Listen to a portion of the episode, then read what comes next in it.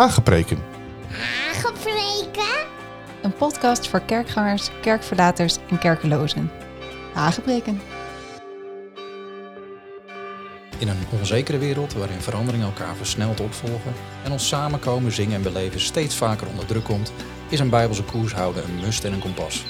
Tuurlijk, het is jouw leven, het is jouw schip, maar de beste stuurlui, die hebben een loods. Mijn naam is Benaya en ik vaar graag een handje met je mee. Hallo, leuk dat je weer luistert naar Hagepreken. We zijn al wekenlang, wat maandenlang, bezig in een thema. Ik weet niet hoe lang we dit nog gaan doen. ehm, in het leren verstaan van Gods stem. En eh, voor de mensen die net aansluiten, in het kader van deze serie hebben we het gehad over profetie. En dat is eigenlijk om de simpele reden dat profeteren het doorgeven van de woorden van God is aan anderen. Dus met andere woorden, als we ons erop toe willen leggen om Gods stem te verstaan, ja, dan ontkom je er niet aan dat je ook moet leren om Gods stem te herkennen, ook als die door andere mensen tot ons komt, via profetie. Maar om zijn stem in hetgeen wat geprofeteerd wordt te kunnen onderscheiden, is het wel nodig dat je het hart van profetie pakt. En daar hebben we het vorige keer over gehad. En we hebben naar de Bijbel gekeken, vanuit de Bijbel ontdekt, dat profetie ten diepste altijd als kerntaak heeft mensen terug te brengen naar het hart van God en daarmee naar zijn wegen. En we hebben ook geleerd dat profetie niet simpelweg in één tekst is vast te pinnen, wat tegenwoordig heel vaak gedaan wordt, de bekende 1 Korinthe 14 vers 3 richtlijn, zodat alles altijd opbouwend, opbeurend en, en vertroostend klinkt met veel mooie beloften voor de toekomst. Nee, profetie is een van de best beschreven praktijken in de Bijbel. En dat is de hele Bijbel, dus Oude en Nieuwe Testament. En daardoor zie je dus ook dat profetie altijd weer een besef brengt van de alomvattende, onzagwekkende heerschappij van God. Hè, wat we lazen ook in handelingen vorige keer, dat mensen echt onder een stukje godsvrezen komen als profetie klinkt en ook de resultaten ervan te zien zijn. En dat roept op tot bekering. Dat zet aan tot bekering, een terugkeren naar de wegen van God. Met als doel hereniging van de vader met zijn kinderen op hartsniveau. En tegelijkertijd waarschuwt het ons ook voor de gevolgen van het doorgaan op een weg die niet van God is. En natuurlijk is het fijn als profetie ook opbouwt en aanmoedigt en vertroost. En dat kan. En dat is ook profetie, laten we dat niet vergeten. Maar dit is niet alleen profetie. Juist het oproepen tot bekeren, het waarschuwen voor het doorgaan op een weg die niet van God is, gebeurt namelijk tegenwoordig niet of nauwelijks meer in de kerk. En te veel mensen die zogezegd uitstappen in profetie, spreken fijne woorden. Is op zich heel fijn. Het is goed om elkaar te bemoedigen. Uh, en, en ook om goede, goede dingen uit te spreken. Zelfs goede wensen. Maar iets wat gesproken is uit een goed hart wil niet zeggen dat het per se gesproken is uit Gods hart. Er is een verschil. Nou, misschien denk je, ja, Benai, dat zei je vorige keer ook al, hou er nou eens mee op. Maar de reden dat ik hier zo op hamer, is omdat de Bijbel profeten waarschuwt die profiteren naar eigen inzicht en die mooi weer profiteren. Met name als Gods volk in feite wordt bedreigd. Oftewel, je kunt mooi profiteren, maar als God iets heel anders voor ogen heeft, loopt het niet alleen uh, slecht af voor de christelijke gemeenschap, maar ook voor degene die profiteert, zegt de Bijbel. Nou, waar je dat vandaan? Een mooi voorbeeld ervan is in Ezekiel 13. Daar staat op een gegeven moment, en ik lees het even voor, begint in vers 1.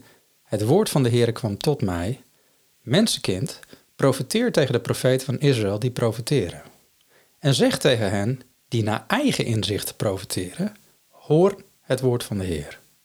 Zo zegt de Heere Heere, wee de dwaze profeten die hun eigen geest volgen, zonder iets te hebben gezien. Als vossen tussen de puinhopen zijn u profeten geworden, o Israël. U bent niet in de bressen geklommen. En voor het huis van Israël wierp u geen muur op om op de dag van de Heere staande te blijven in de strijd. Zij schouwen valse visioenen en leugenachtige waarzeggerij. Zij die zeggen de Heere spreekt, hoewel de Heere hen niet gezonden heeft. Verwachten zij toch dat het woord zal uitkomen?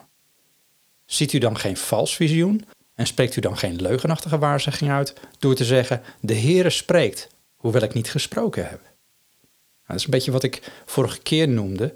En niet een zo spreekt de Heer, maar eigenlijk zo spreekt oom Gerrit. En, en, en een zekere gezonde schroom, een zekere godsvrezen zou er moeten zijn bij degene die willen uitstappen in profetie. Want je moet wel accuraat de woorden van God vertolken. Want God vervolgt dan in het tekstgedeelte, vers 8. Daarom zegt de Heere, Heere, omdat u valse dingen spreekt en leugens schouwt, Daarom, zie, ik zal u, spreekt de Heere Heere. Ik zal u, dat klinkt nogal. Ik zal u, spreekt de Heere Heere. Mijn hand zal tegen de profeten zijn die valse visioenen zien en leugen waarzeggen. Zij zullen niet tot de kring van mijn volk behoren. Zij zullen niet ingeschreven staan in het register van het huis van Israël en komen niet in het land van Israël. Dan zult u weten dat ik de Heere Heere ben. Daarom ja, omdat zij mijn volk misleid hebben door te zeggen vrede, hoewel er geen vrede is, bouwt de een een wankele muur en zie, dan bepleisteren anderen die met kalk. Met andere woorden, je, je, je bouwt niks op en je beschermt niks met hetgene wat je geprofiteerd hebt. Wauw, dat zijn echt super heftige woorden. Maar het geeft wel aan hoe serieus God is en hoe serieus God zelf het neemt als je zijn woorden zegt te spreken, maar het zijn niet zijn woorden. Als je namelijk mensen de verkeerde kant op leidt, is hij dus echt not amused. Als ik het dan zo lees, dan kan ik mezelf niet aan de indruk onttrekken dat ik met name de laatste decennia overheersend veel heb horen profiteren. Vrede, vrede. Hè, en mooie dingen. En je kan je afvragen, is het inderdaad vrede? Er wordt wat afgeprofiteerd over mooie beloften, opwekking, voorspoed, etc. Maar houdt iemand überhaupt bij wat ervan is terechtgekomen? Ik heb het zo vaak gehoord in de afgelopen jaren, tientallen jaren. Er komt een opwekking. Binnenkort. Er is nog niks gebeurd. Sterker nog, ik begin steeds meer uh, de tekst te begrijpen waar staat: zal de zoon des mensen het geloof nog vinden als hij terugkomt op aarde? Daar lijkt het meer op. En is het inderdaad mogelijk dat we helemaal niet zo vredig erbij staan als gemeente van Christus? Ik, ik kan echt, nogmaals, in de afgelopen drie decennia kan ik rustig de conclusie trekken. Er speelt echt heel veel onder Gods volk alleen al. En soms binnen het leiderschap, partijschappen, machtspolitiek, eh, eigen belangen, of soms gewoon puur financieel gewin. En soms zie je het onder gemeenteleden, hè, allerlei veten en twisten of scheidingen binnen huwelijken, onrecht onderling sociale misstanden die worden ja, genegeerd, uh, opgeklopte geestelijkheid, uh, zelfs immoraliteit die wordt gedoogd. Een heleboel dingen spelen. En soms, of misschien moet ik zeggen tegenwoordig in toenemende mate, is het dreiging van buitenaf. Waar een muur zou moeten staan, ter bescherming. Er zijn namelijk krachten die inwerken op het rijden en zeilen en het functioneren van de christelijke gemeenschap. Niet alleen op ons samenkomen, maar ook op de doctrine die wordt gepredikt. En daar hoef je niet eens voor naar China of Noord-Korea te gaan. En sluipende wijs merken we dat de druk wordt opgevoerd. Door allerlei ontwikkelingen in de maatschappij, door toenemende normvervaging, of inmiddels zelfs door wettelijk vastgelegde normen die haak staan op het woord van God. En daar komt dan ook nog een bijbehorende druk via de media of van de overheid op gelovigen bij. druk om te conformeren naar een postmodernistisch mensbeeld. Een mensbeeld dat, dat niet geschoeid is op bijbelse leest. Vandaar, als er een tijd is waarin de gave van profetie weer ruimte zou moeten krijgen naar bijbelse maatstaven, dan is het wel anno nu. Het is echt tijd om rechte sporen te trekken en duidelijke richtingaanwijzers te horen ook, om de juiste kant op te blijven gaan, om koers te houden. En toch blijft het meestal stil. En de profetische kruimeltjes die overblijven, spreken dus vaak enkel over vrede, vrede, vrede, blije, fijne boodschappen voor het individu. En dat terwijl de oorlog steeds duidelijker levens van iedereen infiltreert. Juist ook als gemeenschap. Dat is misschien ook wel tekenend. Heel veel profetie gaan over het individu en niet over de gemeenschap. En dat grijpt me aan. Soms geeft me ook wel een slapeloze nacht, moet ik eerlijk zeggen. Er, er lijkt haast een soort uh, gedoogcultuur ook te zijn in de kerk die erin is geslopen en die ervoor zorgt dat dingen niet meer bij de naam genoemd mogen worden. Niet van de kansel en zeker niet onderling. veel van ons kerk zijn is, is daarin ook duidelijk beïnvloed door die, nou ja, wat ik altijd noemde, postmodernistische cultuur. Want daar leven we in. Het is een cultuur waarin absolute waarheid niet meer wordt onderkend. En waar verschillende vormen van spiritualiteit noemen ze dat, verschillende maatschappelijke opvattingen zijn, verschillende omgangsvormen zijn. En vooral het belang van persoonlijke ervaringen een soort nieuwe ongrijpbare toetssteen zijn geworden. Wat voor jou geldt. En hierdoor kan de waarheid dus ook niet geclaimd worden door iemand, zelfs als de waarheid van God gecommuniceerd wordt niet. dat wordt makkelijk geparkeerd als, ja, maar een persoonlijke interpretatie van de Bijbel. Of dat is ook maar een mening van jou. Ik zie dat anders. Maar als profetie de rol heeft van de verkondiging van Gods waarheid, zoals we lazen in Openbaring in 19 vers 10, het getuigenis van Jezus, die de weg de waarheid en het leven wordt genoemd, is de geest van profetie. Ja, dan kun je je afvragen, willen we dat nog wel horen in ons midden? Want als een profetie minder mooi voldoet aan de één tekstdoctrine van 1 Korinthe 14 vers 3, ja, dan kan het zijn dat de waarheid van God licht schijnt op iets wat niet klopt in ons midden of in ons persoonlijk leven. Ja, en wat een onprettig gevoel geeft, ja, daar blijven we als mens toch van nature een beetje uit de buurt van. Willen we geconfronteerd worden met leugen in ons leven? Niemand wil dat. Het voorbeeld van Ananias en Safira noemde ik vorige keer. Of dat God de, de, de vinger op de zere plek legt, doordat hij wat wij voor waar aanhouden bestempelt als niet waar. Zoals bij Petrus. Hè? Die had een, een misplaatst vertrouwen op zijn eigen kunnen om Jezus te volgen en hem trouw te blijven dwars door alles heen. Terwijl Jezus hem al profeterend duidelijk maakte dat hij nog voor de ochtend zou beweren dat hij Jezus niet kende.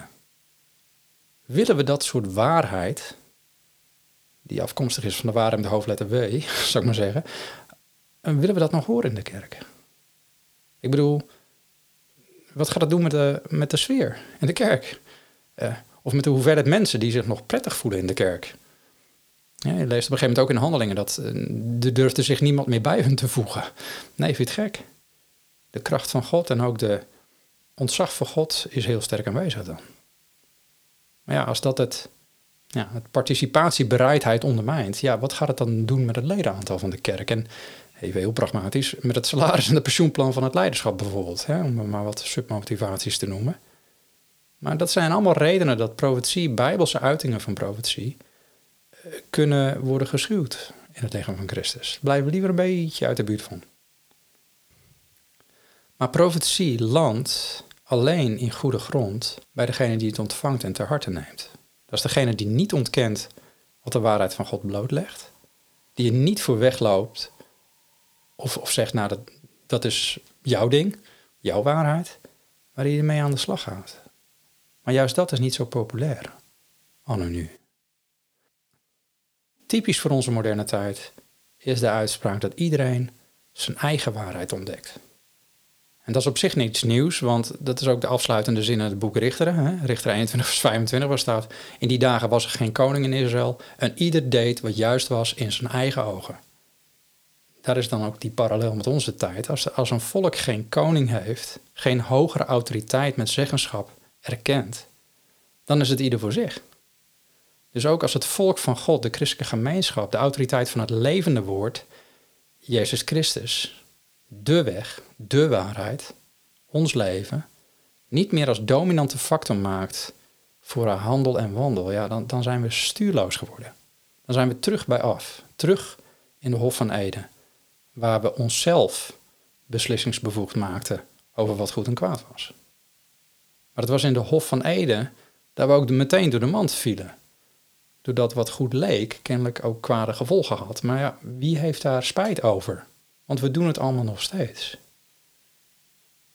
Feit blijft, we hebben een goede God nodig. Een koning die over ons waakt en die ons leidt in rechtersporen. En een van de manieren hoe God dit al duizenden jaren doet, is door profetie. Door mensen die zijn hart, zijn gedachten, zijn woorden doorgeven aan anderen om ons allemaal op de rechte weg te houden.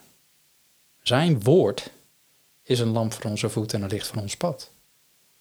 En de Bijbel waarschuwt ons voor een mindset die goed en kwaad indeelt naar eigen inzicht.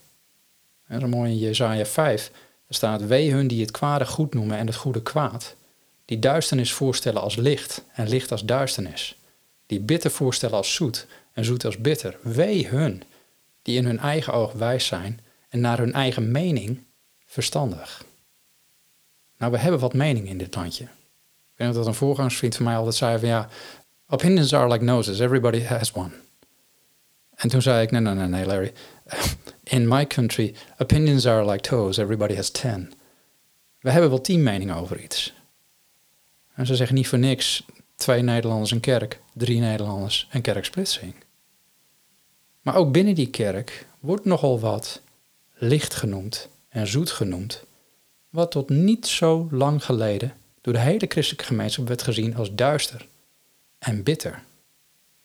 Maar onder invloed van de nieuwe waarden die gelden in onze maatschappij, die gelden in de EU, in de trends die we in de wereld zien, zien we dat allerlei veiligheidsmarges worden overschreden.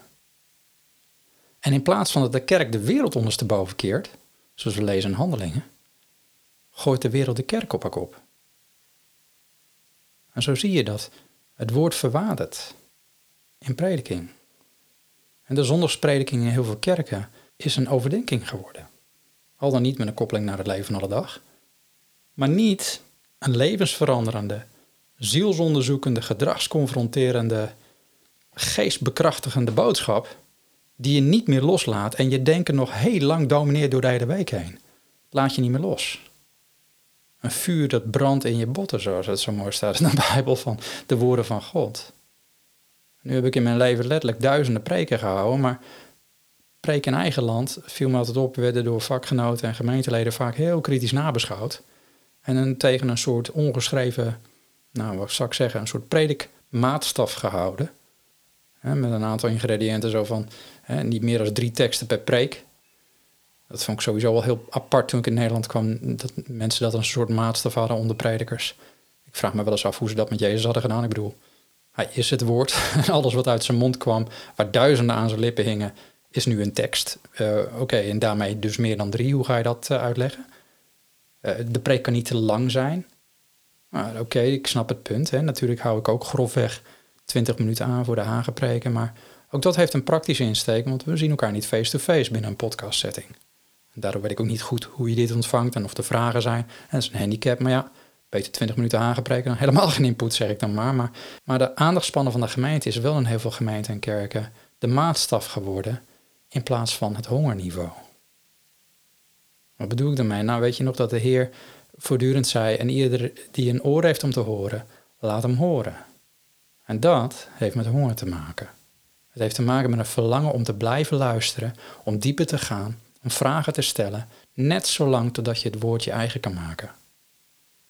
Ik weet nog dat ik een keer een preek deed in Overijssel bijvoorbeeld.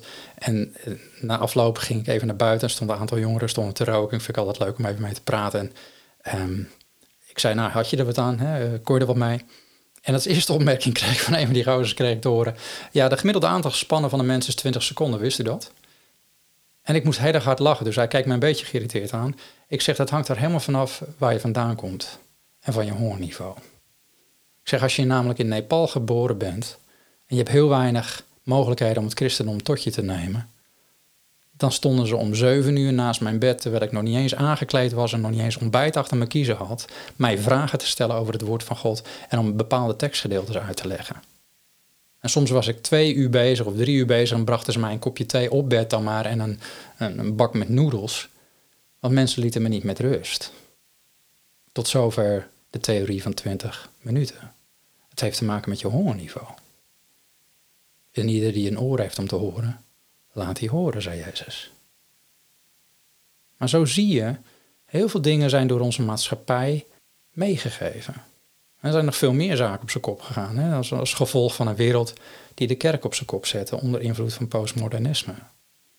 En je ziet, ziet dat bijvoorbeeld christenen tegenwoordig openstaan voor een soort hybride vorm van geloof. Zo van de Bijbelse boodschap voorzien met wat wijsheden en waarheden uit Oosterse religies.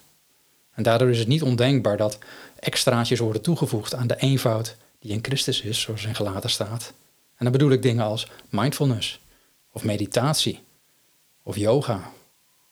Zelfs tegenwoordig christelijke tarotkaarten die dan engelenkaarten worden genoemd, heb ik zelfs uh, gelezen.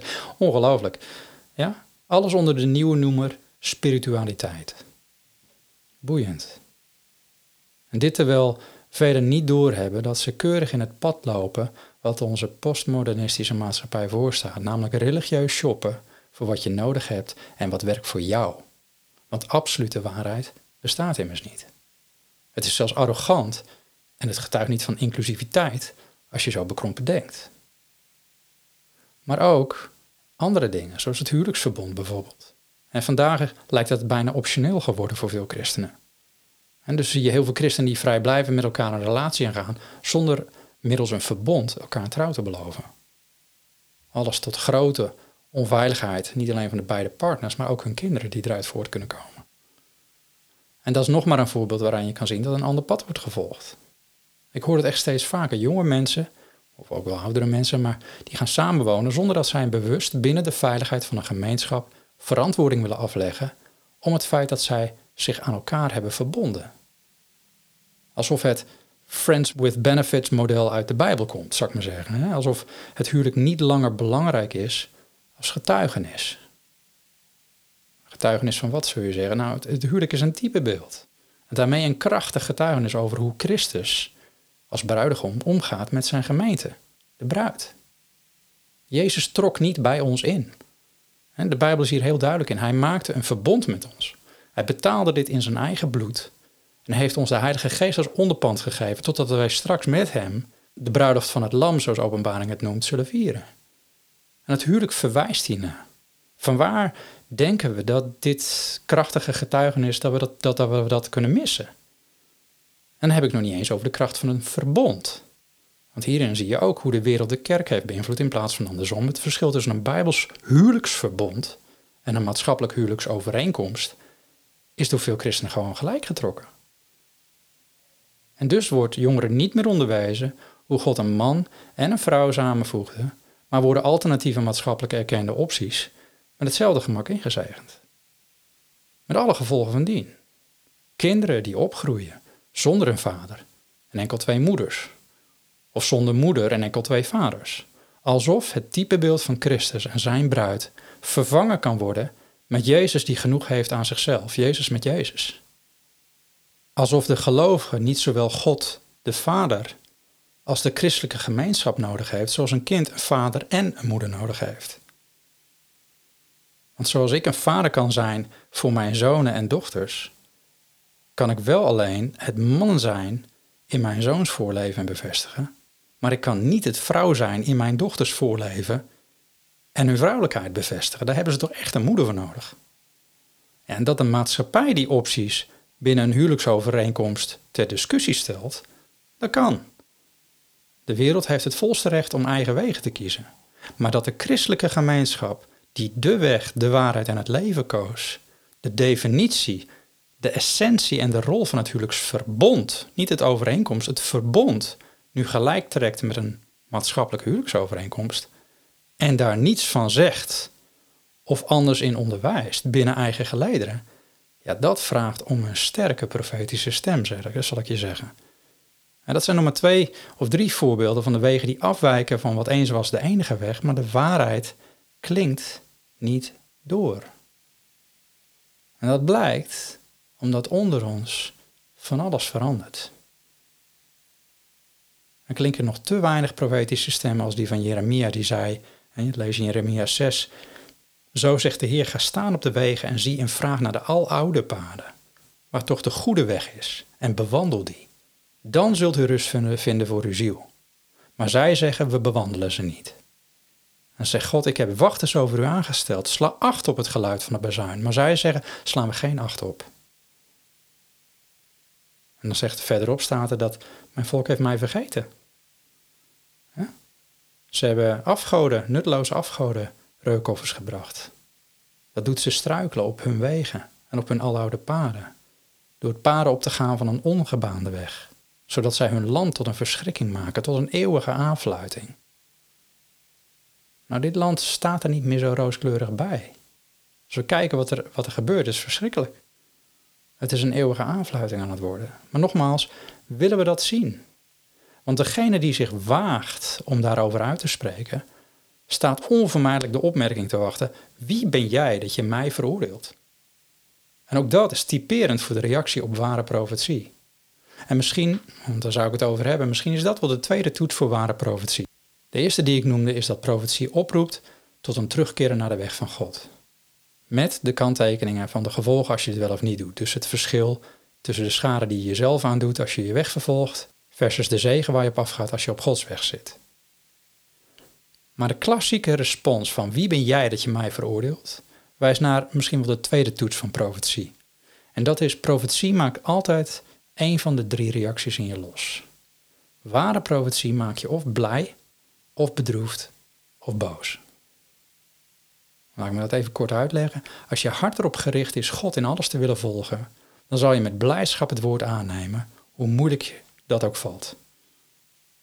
Maar als je op een verkeerde weg zit en er spijt van hebt en er baalt van de gevolgen van dat pad, dan zal je willen bekeren. Dan zal je afkeren van bepaalde gedragingen of denkwijzen en dat soort dingen. Dan voel je de droefheid erover. Maar als je gelooft dat jouw leven van jezelf is en dat je geen enkele verantwoording verschuldigd bent aan de schepper die het leven gaf en dat je zelf wel kan uitmaken wat goed of fout is en er ook niet op gewezen wil worden, dan is de reactie meestal boosheid. Dus profetie maakt je blij, bedroefd of boos. En die boosheid is het makkelijkste te rechtvaardigen door een stukje framing. Dat zag je al bij koning Agap in de Bijbel. En onder invloed van zijn heidense koningin Izebel ging hij afgoden dienen. Wordt geconfronteerd door de profeet Elia. Die profeteerde dat het uh, niet meer zou regenen tot hij het zei. Ja, 1 Koningen 17 lees je dat. En dan volgt een hele grote droogte en een hongersnood. En op het moment dat Elia koning Agap weer opzoekt, in het derde jaar nadien, was zijn reactie, ben, ben jij er eindelijk? Degene die Israël in het ongeluk stort? Kijk, het makkelijkste om een profetische stem de mond te snoeren is framing, stigmatiseren. En Agap deed er ook alles aan om te zorgen dat hij het profetische woord van Elia niet hoefde aan te nemen. En in plaats we in de verdediging schieten, op het moment dat iemand een woord van God heeft, doen we goed aan om het te toetsen. Doen we er goed aan om te kijken of het echt van God is en of we het te harte moeten nemen. Nou, ik heb deze aflevering niet meer de tijd om meer manieren te behandelen van hoe, hoe toets je dat nu. Maar je hebt er nu alvast twee, dus ik weet niet hoe lang deze serie doorgaat. Maar goed, je hebt in ieder geval twee.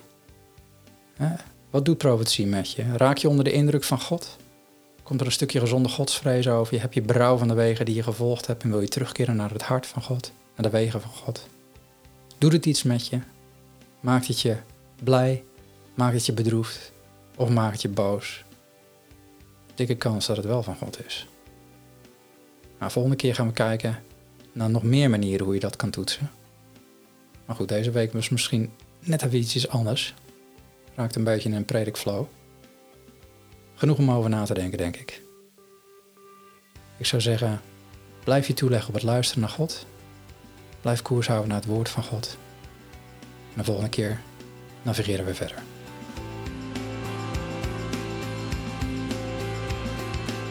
Heb je vragen? Heb je opmerkingen? Heb je aanvullingen? Surf even naar saintk9.com. Dat is k9.com.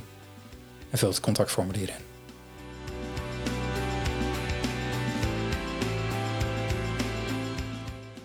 Op dezelfde site zie je ook hoe je deze podcast kan sponsoren via PayPal of Ideal. Wordt erg gewaardeerd. Dankjewel.